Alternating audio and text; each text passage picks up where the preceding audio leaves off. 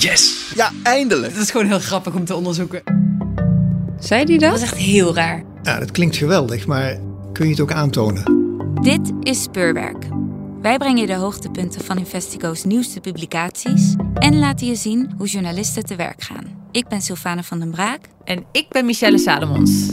Deze aflevering gaat over de souvenirbranche en de toeristenbranche in Amsterdam. Dat er veel banden zijn met de drugshandel en met witwassen. Vanwege allerlei signalen zijn ze een groter onderzoek begonnen. Welkom bij Speurwerk. Vandaag gaat het over witwassen via Amsterdamse souvenirwinkels. Misschien komt dat onderwerp je bekend voor.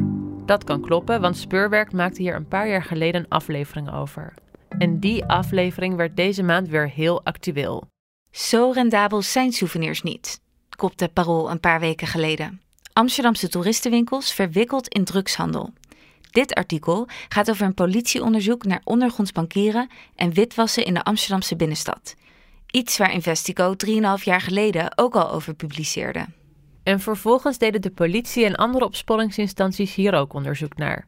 Het eerste deel daarvan is nu afgerond, maar voor we je daar meer over gaan vertellen, neemt Mariko Rotman ons mee terug naar het begin. Drieënhalf jaar geleden hebben we een onderzoek gedaan naar souvenirwinkels en toeristenwinkels in Amsterdam. En hoe die branche heel erg gevoelig is voor witwassen van drugsgeld.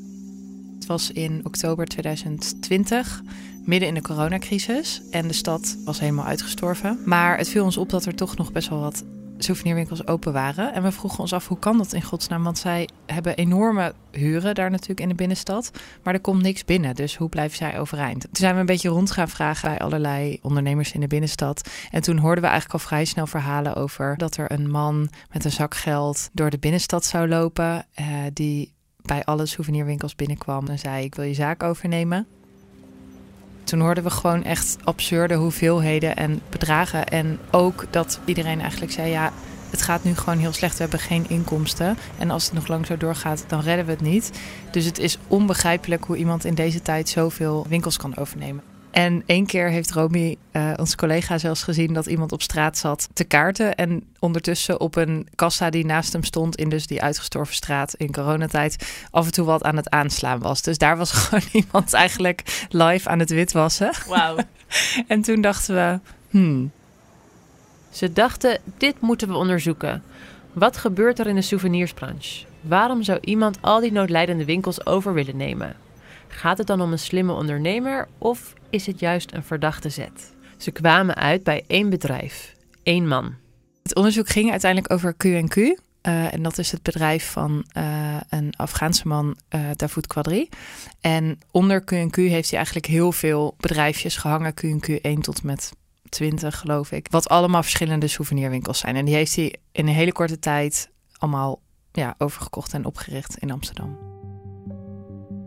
Uiteindelijk vonden we zoveel rode vlaggen en signalen dat er iets niet klopte. En dat waren dus ook signalen waarvan instanties zeiden: ja, als dit gebeurt, dan moeten we eigenlijk een extra check doen. Zoals gebrek aan openbare financiële administratie, een notaris die eigenlijk al uit zijn ambt is ontzet. Heel veel overnames dus in een tijd waarin dat financieel eigenlijk niet kan kloppen. En op de een of andere manier zijn dus in dit geval geen alarmbellen afgegaan. Dus ook over van oké, als wij al deze rode vlaggen zien, hoe kan het dan dat er bij al die andere teams en instanties die hiervoor bedoeld zijn, geen um, alarmbellen zijn afgegaan? Om te kijken of deze man en zijn souvenirzaken echt niet op de radar stonden van de politie, gingen ze destijds langs bij de financiële recherche. En dat was echt een heel grappig gesprek, want wij kwamen, we kwamen daar eigenlijk met de vraag van, ja, willen jullie ons iets vertellen over wat jullie hiervan weten? Maar het werd al snel dat wij hen gingen vertellen over wat wij allemaal wisten. En ze waren een beetje sceptisch aan het begin van het gesprek. En naarmate het gesprek vorderde, gingen ze eigenlijk steeds meer over de tafel buigen en geïnteresseerd luisteren en vragen hoe je zijn naam nou precies spelde. En ja, zeiden ze uiteindelijk toch wel van, nou, dit zijn wel heel veel signalen dat hier echt iets aan de hand is. Maar goed, zij hadden er dus nog nooit wat mee gedaan. Dat hebben ze toen gezegd. Dat hebben ze toen gezegd. We hebben hier geen onderzoek naar gedaan. Dat wilden ze toen wel gaan doen, zeiden ze. En dat onderzoek, dat is er nu. Ja, nu zijn we dus 3,5 jaar later en heeft het parool naar buiten gebracht dat politie, maar ook het RIEK, dus een soort van samenwerkingsorgaan van allemaal uh, opsporende instanties, Uh, en de gemeente samen groot onderzoek hebben gedaan naar de souvenirbranche en de toeristenbranche in Amsterdam. Dat ze daar heel veel signalen hebben gevonden en ook aanwijzingen en ook volgens mij bewijs dat er veel banden zijn met de drugshandel en met witwassen. En een van de namen, of eigenlijk de enige naam die in dit uh, stuk van Parool wordt genoemd, van dus een winkeleigenaar die in verband wordt gebracht met drugshandel en witwassen, is David Quadri. De politie heeft nu aanwijzingen gevonden voor ondergronds bankieren en het witwassen van drugsgeld. Maar wat was nou de precieze aanleiding voor dit onderzoek? Vanwege staat dan in het artikel allerlei signalen over de betrokkenheid van souvenirwinkels bij ondergronds bankieren en witwassen, zijn ze een groter onderzoek begonnen. Is dat jullie onderzoek geweest? Nou ja, dat weet ik natuurlijk niet. Maar er staat dus dat vanwege verschillende signalen dit onderzoek is begonnen. Ik neem wel aan dat ons onderzoek daar een, een van de signalen in was. Vlak nadat Investico dit onderzoek publiceerde, lag de souvenirsbranche in Amsterdam onder een vergrootglas. In november 2020, dus dat is een maand nadat ons onderzoek werd uitgebracht, dat er al bij zeven souvenirwinkels en tabakzaken een soort invallen werden gedaan waarbij heel veel spullen werden gevonden die je ook gebruikt voor de productie en uh, gebruik van drugs. De regels zijn in de jaren daarna aangescherpt. Dus alle detailhandel in de binnenstad moet een uh, bibelvergunning krijgen, waarbij je wat dieper wordt doorgelicht van waar komt je geld vandaan en wat is je verleden. En hoe gaat het nu verder? Wat gebeurt er met dit politieonderzoek?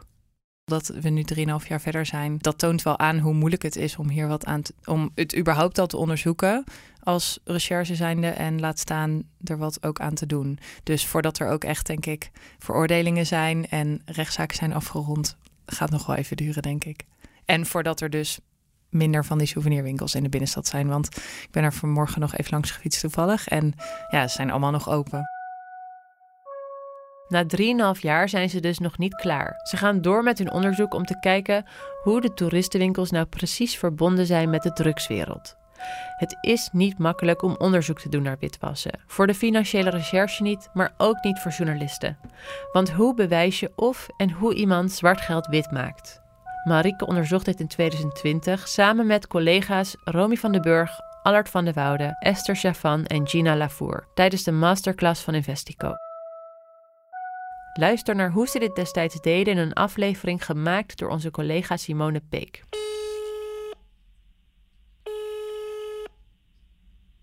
Hallo, met uh, Marike. Ik heb een, een, beetje een bijzondere vraag misschien. Uh, maar ik ben journalist bij platform Investico.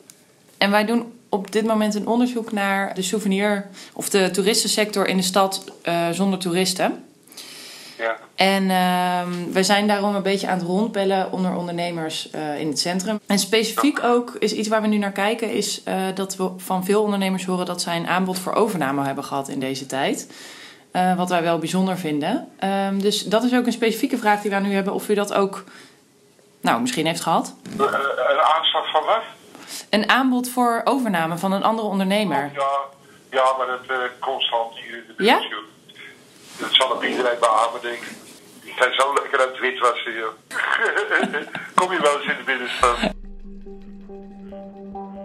Hoe kwam je bij dit onderwerp? Ik kreeg een tip van iemand die langere tijd in 1012 heeft gewerkt. 1012 is het postcodegebied in het centrum van Amsterdam. Die zei je moet kijken naar de overnames. Je hoort Romy van den Burg. En toen zijn we aan het begin van de masterclass zijn we dus een rondje gaan lopen langs verschillende souvenirwinkels. En hebben we overal een pakje kauwgom gepind. Nou, toen zagen we natuurlijk de verschillende prijzen voor kauwgom. Maar we zagen ook bovenaan het bonnetje de BV staan. Die BV's zijn wij allemaal gaan invoeren in de Kamer van Koophandel. En toen stuitte ik bij een BV die op het bonnetje stond, dat die niet meer bestond. En dat die overgenomen was door Q&Q.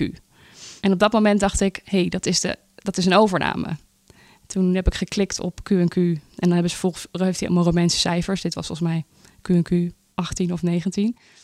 En toen ik daarop klikte, toen kwam er daaronder nog een reeks met nieuwe BV's. En toen ben ik naar de masterclass vergadering gegaan met...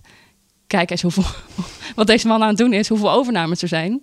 En volgens mij is dat precies hetgene waar er in het uh, begin van de crisis voor gewaarschuwd is. De gemeente Amsterdam heeft gewaarschuwd voor snelle overnames met geld waarvan de herkomst niet zomaar achterhaald kan worden. Daarover later meer. Maar eerst, wie is Q van Q&Q? De masterclass ontdekte dat deze ondernemer in de afgelopen maanden elf nieuwe BV's oprichtte voor souvenirwinkels in de binnenstad. Zijn naam? Davoud Quadri. Een in Afghanistan geboren, 41-jarige ondernemer met nu 16 souvenirwinkels in Amsterdam. En waarom is dat nou verdacht? Uh, dat is verdacht omdat uh, de huren heel hoog zijn. We hebben het echt uh, over 20.000 euro huur per maand. En als je dan bedenkt dat de souvenirbranche op dit moment, laten we zeggen, als je geluk hebt, meer dan 10% opbrengt, dan is het een hele vreemde stap om nu te denken: ik ga uitbreiden. Terwijl de meeste ondernemers die wij spreken zeggen: ik weet niet of ik het tot volgende maand red. Dus de grote vraag is: is dit een hele slimme ondernemer of is dit een hele verdachte zet? Wat denk je? Um, ik heb geen enkele economisch voordelige reden kunnen vinden waarom je dit zou doen. Dus ik zeg, ik vind het verdacht. Kun je me iets meenemen in je gedachteproces? Want waarom is er geen enkele reden om dit te doen? Toeristen komen toch wel weer terug? Ja, we weten niet wanneer het toerisme terugkomt. Ondertussen moet je natuurlijk de huur blijven betalen. En wanneer corona weg, weg is, ja, dat kan natuurlijk nog een maand duren, maar dat kan ook nog een jaar duren voordat het toerisme weer aantrekt. Dus er is niet echt een pijl op te trekken wanneer dit gaat aantrekken. Dan kan je zeggen, het is een heel groot risico om dit te doen. Maar er is ook nog een andere kant van de souvenirbranche waardoor het nog wat verdachter is. En dat is dat deze branche al heel lang onder verdenking staat van. Onder verdenking staat.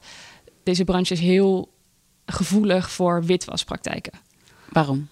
Omdat er gaat heel veel cash om in de souvenirwinkels. 80% cash. Toeristen betalen als laatste nou ja, groepering nog steeds met heel veel cash geld. Uh, de marges op souvenirs zijn hoog. In veel souvenirwinkels worden goedkope klompjes, molentjes en aanstekers verkocht. De marges zijn enorm en de prijzen verschillen van winkel tot winkel. Dat biedt nogal wat ruimte voor creatief boekhouden. Want stel je verkoopt een aansteker voor 3 euro in cash, maar je hebt ergens nog één zwart verdiende euro slingeren.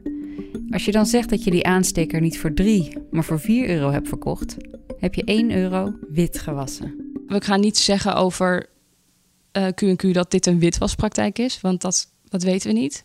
Er zijn gewoon heel veel dingen aan de bedrijfsvoering die zo opmerkelijk zijn dat we niet uitsluiten dat dit een optie is. Hoe doe je dat journalistiek? Niet uitsluiten dat het een optie is. Hoe timmer je dat dicht? Hoe zorg je dat dat bij de lezer overkomt? Dat je dat niet uit kan sluiten? Ja, dat is, dat is denk ik het moeilijkste aan het verhaal. Um, en ik denk dat we dat uitsluiten door uh, veel andere ondernemers te spreken in dezelfde sector.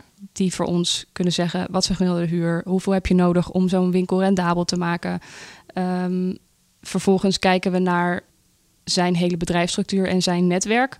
Waar zit het in? Uh, heeft hij, zoals in dit geval, vreemde import-exportbedrijven? Heeft hij um, een vreemde notaris? Ja. Heeft hij um, bedrijven met zonder jaarverslagen in, in de Kamer van Koophandel? Ja. En op een gegeven moment heb je zoveel punten waarvan je kan zeggen: ja, als je dit allemaal op een rijtje zet, hebben we zoveel rode vlaggen. Dat het één grote vrachtwagen vol lijken met rode vlaggen is die door de binnenstad rijdt. En dat je denkt, hoe kan niemand dit zien?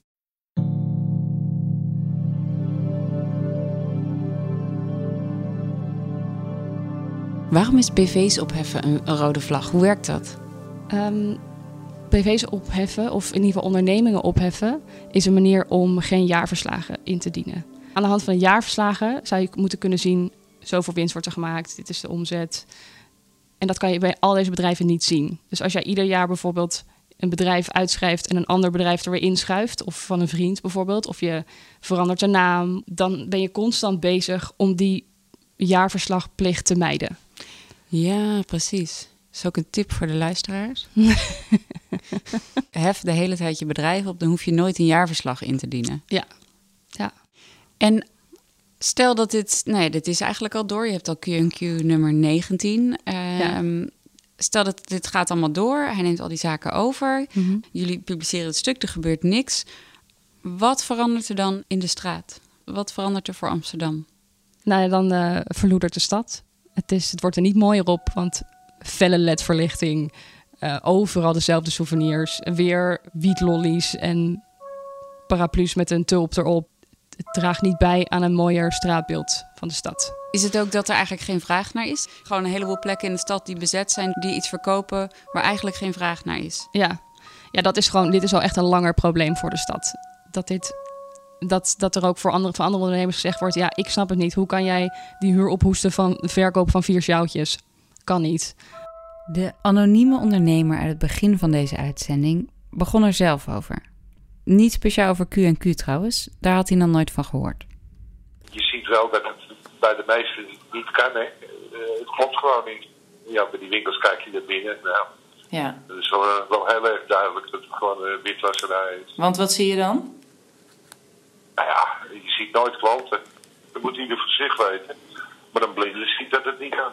Dat je een omzet haalt die die huur kan betalen, daar wordt gewoon al heel lang vraag bij gesteld. Waar komt dat geld dan vandaan? Ja, dan moet ik op benadrukken dat ik daar, dat is dus speculatie. Mm we hebben van iedereen gehoord dat dit lijkt op drugs. En nogmaals, dat kunnen we voor Q&Q niet hard maken. Maar als we de route volgen naar zijn import-exportbedrijven in, in Rusland met een zakenpartner uh, in uh, Bloemen. Um, die vervolgens weer tientallen andere bedrijven heeft in andere sectoren. En we leggen dit voor aan experts. Is het wel altijd, dit lijkt wel heel erg op drugs. Drugsgeld. Drugsgeld, ja. Volgens onze anonieme ondernemer hoef je geen expert te zijn om te bedenken dat er mogelijk drugsgeld achter zit. Met, waarmee wordt dat zwarte geld verdiend? Ja, maar dat weet je zelf ook wel. Dat is allemaal drugs en. Uh, ja. Ja. Daar kan je eigenlijk niet in verdiepen. Dat zie je met die coffeeshops. Nee. Dat heb ik ook nog steeds niet. Ze mogen het wel verkopen, maar ze mogen het niet inkomen. Mogen niet inkomen, nee, precies. Nee, nou, dus, nee. Daar kan toch geen chocola maken? Ja, dat geld moet dan ook, daar moet dan ook iets mee gebeuren. Ja, maar wat die, dat is allemaal geld. Ja, ja, ja. ja, En nogmaals, verhindert niet, want ze doen het handiger dan ik. Ik wou dat ik in de situatie was. Ik ben er gewoon te dom voor. Als het inderdaad drugsgeld is, dan is het ook misschien wel een gevaarlijk onderzoek om te doen. Ja, en ik denk dat we um, dat na twee weken daarachter kwamen van als dit een drugsnetwerk is, of een onderwereld of een criminele onderwereld, dan moeten we daar wel. Ik ben wel oplettend geweest. Ik heb wel uh, de voordeur goed op slot gedaan. En, en ik denk inderdaad zeker dat uh, toen wij de brief aan Quadri, de brief van om een gesprek met hem in gesprek te gaan, bij hem persoonlijk gingen langsbrengen op zijn hoofdkantoor aan de Rokin. Um, dat we toen dat wel echt het meest hebben gevoeld, ons het meest onveilig hebben gevoeld, omdat wij die brief kwamen afleveren en dat wij dachten, goh, laten we aan de overkant in het café eens gaan kijken wat er gebeurt met die brief. En op het moment dat wij aan onze cappuccino aan de overkant zaten, toen kwam er via de zijdeur van het pand, kwam Quadri naar buiten. En die uh, nam de brief aan en die was meteen druk aan het bellen. En binnen een minuut stonden er vijf andere mannen om hem heen, driftig met die brief te zwaaien. En um, toen ging het telefoontje bij de redactie dat uh, Mo, zijn woordvoerder, graag met ons in gesprek wilde.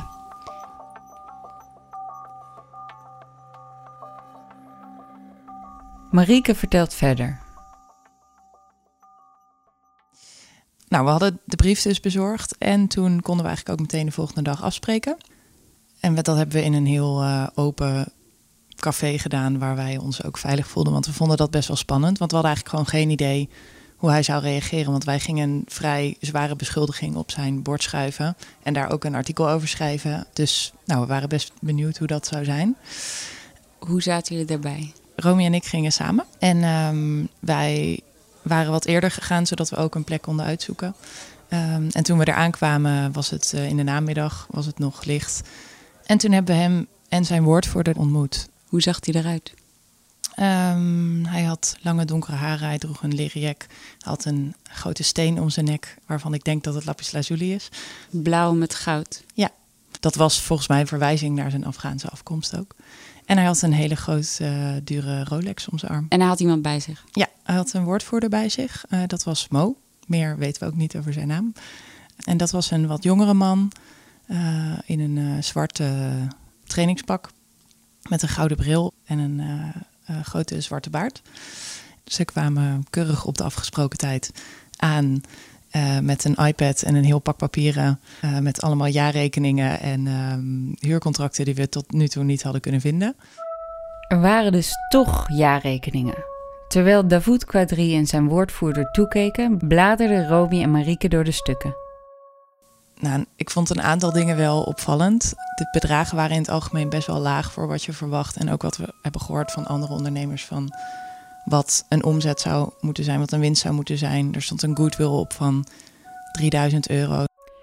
Goodwill of sleutelgeld is de onzichtbare meerwaarde van een bedrijf die betaald wordt bij een overname. Vaak komt het neer op ongeveer twee keer de jaaromzet, wat in deze branche al gauw honderdduizenden euro's is.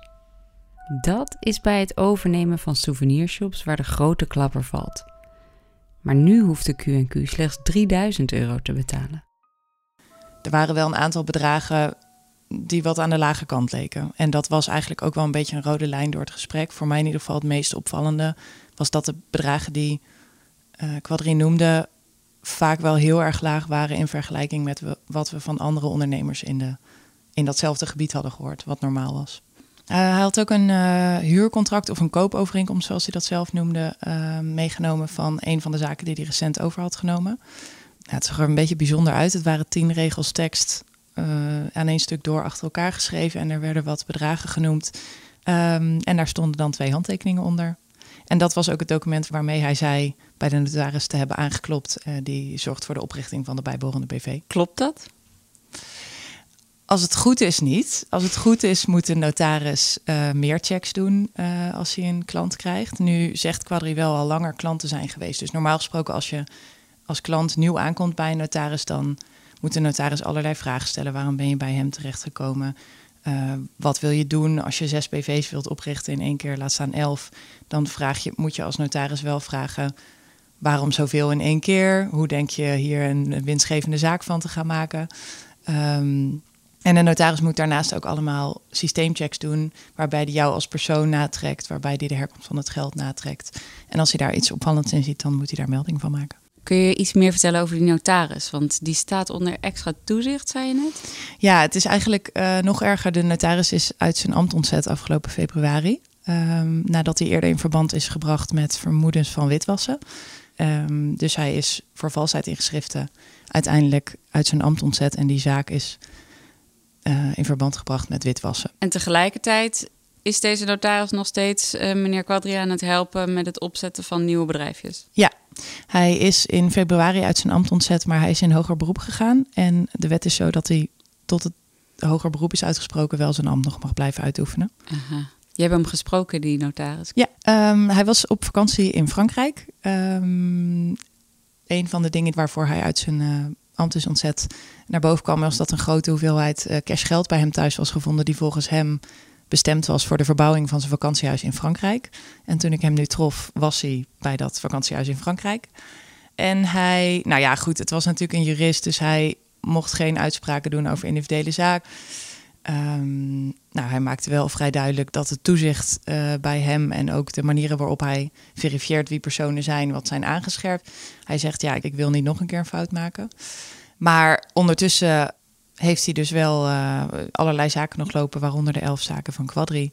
En uh, toen ik toch wat druk zette en vroeg of daar niet iets opvallends bij naar boven was gekomen, zei hij: Ik zit onder een notenboom, ik heb een glas wijn op tafel. Ik zou het echt niet meer weten.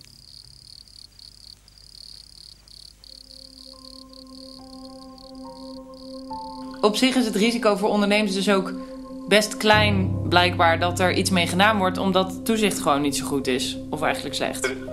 Toezicht niet goed is, dat is allemaal geen toezicht. Ja, huisbaas moeten bij akkoord gaan. Ja. Dat is het grootste heuvel. Want die kan ook zeggen, ja, sorry, leuk en aardig, maar ik verhuur liever niet aan, uh, weet je wat ik bedoel? Wat zou er in Nederland in werking moeten treden, eigenlijk, als er zo'n situatie zich voordoet? Stel dat het echt uh, witwassen is. Ja. Iemand koopt meer dan een tiental uh, zaakjes op met, laten we zeggen, drugsgeld. Wat zou er in werking moeten treden? Ja, we zijn eigenlijk bij elke stap in het proces uh, dat we bekeken hebben aangelopen tegen een instantie of een meldplicht die in werking zou moeten treden. Dus er is heel veel wat er wel is, maar niet gebeurt. Verhuurders zouden een meldplicht uh, hebben voor als ze een nieuwe huurder krijgen, waarvan ze niet kunnen verifiëren waar het geld vandaan komt. De notaris heeft een meldplicht. Soms makelaarkantoren hebben ook een meldplicht. Um, er wordt ook gemeld, dat hebben we ook gehoord vanuit het, de, het gebied waar we onderzoek hebben gedaan. Maar op de een of andere manier blijft dat uh, liggen. Nou, de gemeente, voor de gemeente Amsterdam is dit al heel lang een, een speerpunt. Uh, criminaliteit in de binnenstad en ook ondermijning. En er zijn door de jaren heen echt projectteams opgetuigd, ondermijningsteams. Um, die souvenirwinkels, die zijn voor ook de gemeente al heel lang een aandachtsfunctie, noemen ze dat dan. Um, wat betekent van, we zien dat hier heel veel risico's zijn. Dat moeten we proberen te beperken. Maar op de een of andere manier heeft het allemaal niet zoveel effect. En er is uh, een project 1012 geweest, uh, wat zich heel erg richtte op dat 1012 gebied en de uh, criminaliteit en de ondermijning in dat gebied. En dat is op zich, heeft dat project successen geboekt. Alleen de belangrijkste kritiek was achteraf, als we hier echt iets aan willen, willen doen, moeten we een hele lange adem hebben en structureel hier wat aan blijven doen. En eigenlijk wat wij zien gebeuren is, er worden elke keer projectjes opgetuigd en dan is er even extra geld en extra aandacht voor een bepaald probleem en vervolgens loopt het project af en dan verslapt het weer. En ondertussen gaat het kat-en-muisspel met de criminelen door, waarbij de crimineel, als er een nieuwe maatregel wordt bedacht, al vrij snel weer iets nieuws heeft verzonnen om die maatregel te omzeilen.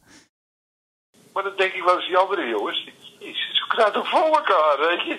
Ja, ja, ja. Hoe, ja, hoe krijg je het voor elkaar inderdaad? Ja, het, het is heel krom. Maar nogmaals, we hebben het zelf zoveel laten komen. Ja, ja er niks mis mee en ik gun iedereen het beste. Maar het, het, het wordt steeds krommer.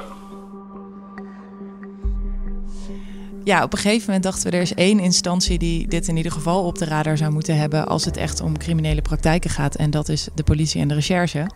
Um, dus toen hebben we een, uh, een afspraak gemaakt en uh, zijn we naar het uh, politiebureau toegegaan om eigenlijk te vragen: kennen jullie deze zaak en kunnen jullie iets erover met ons delen? dat gesprek ging al vrij snel een andere kant uit, namelijk de uitnodiging was meteen om te vertellen over wat wij hadden gevonden naarmate we meer vertelden en ook meer cijfers op tafel legden die we hadden gevonden en nou ja, eigenlijk onze bevindingen deelden, um, begon hun blik ook steeds serieuzer te worden en begonnen ze steeds um, driftiger mee te pennen. En vroegen ze op een gegeven moment: En hoe spel je zijn naam? De rechercheurs noemden het een zeer sterk signaal dat er iets niet in de haak was. Ze wilden misschien wel onderzoek doen en vroegen of de journalisten niet even konden wachten met publiceren. Uh, maar dat uh, kwam erop uit dat we dan een half jaar waarschijnlijk zouden moeten wachten met de publicatie. Omdat het onderzoek voor hen dus nog opgestart moest worden. En dat was toch wel bijzonder, want wij hadden uit bronnen al gehoord dat in ieder geval uh, de man naar wie we hebben gekeken bekend is bij de politie. En we weten ook dat er meldingen zijn gedaan. Dus op de een of andere manier is dat toch blijven liggen. en toen we daarna vroegen hoe dat dan kwam, zeiden ze ja, um, er blijft altijd wat liggen. Er is op heel veel cruciale plekken capaciteitsgebrek. En zij zeiden ja, we kijken toch ook naar de impact van een misdrijf. En als er um, bij wijze van spreken gevochten wordt op straat, dan gaan we dat eerst aanpakken. Maar ondertussen, als hier niks aan gebeurt, dan is op een gegeven moment je hele binnenstad overgenomen. En dan ben je te laat.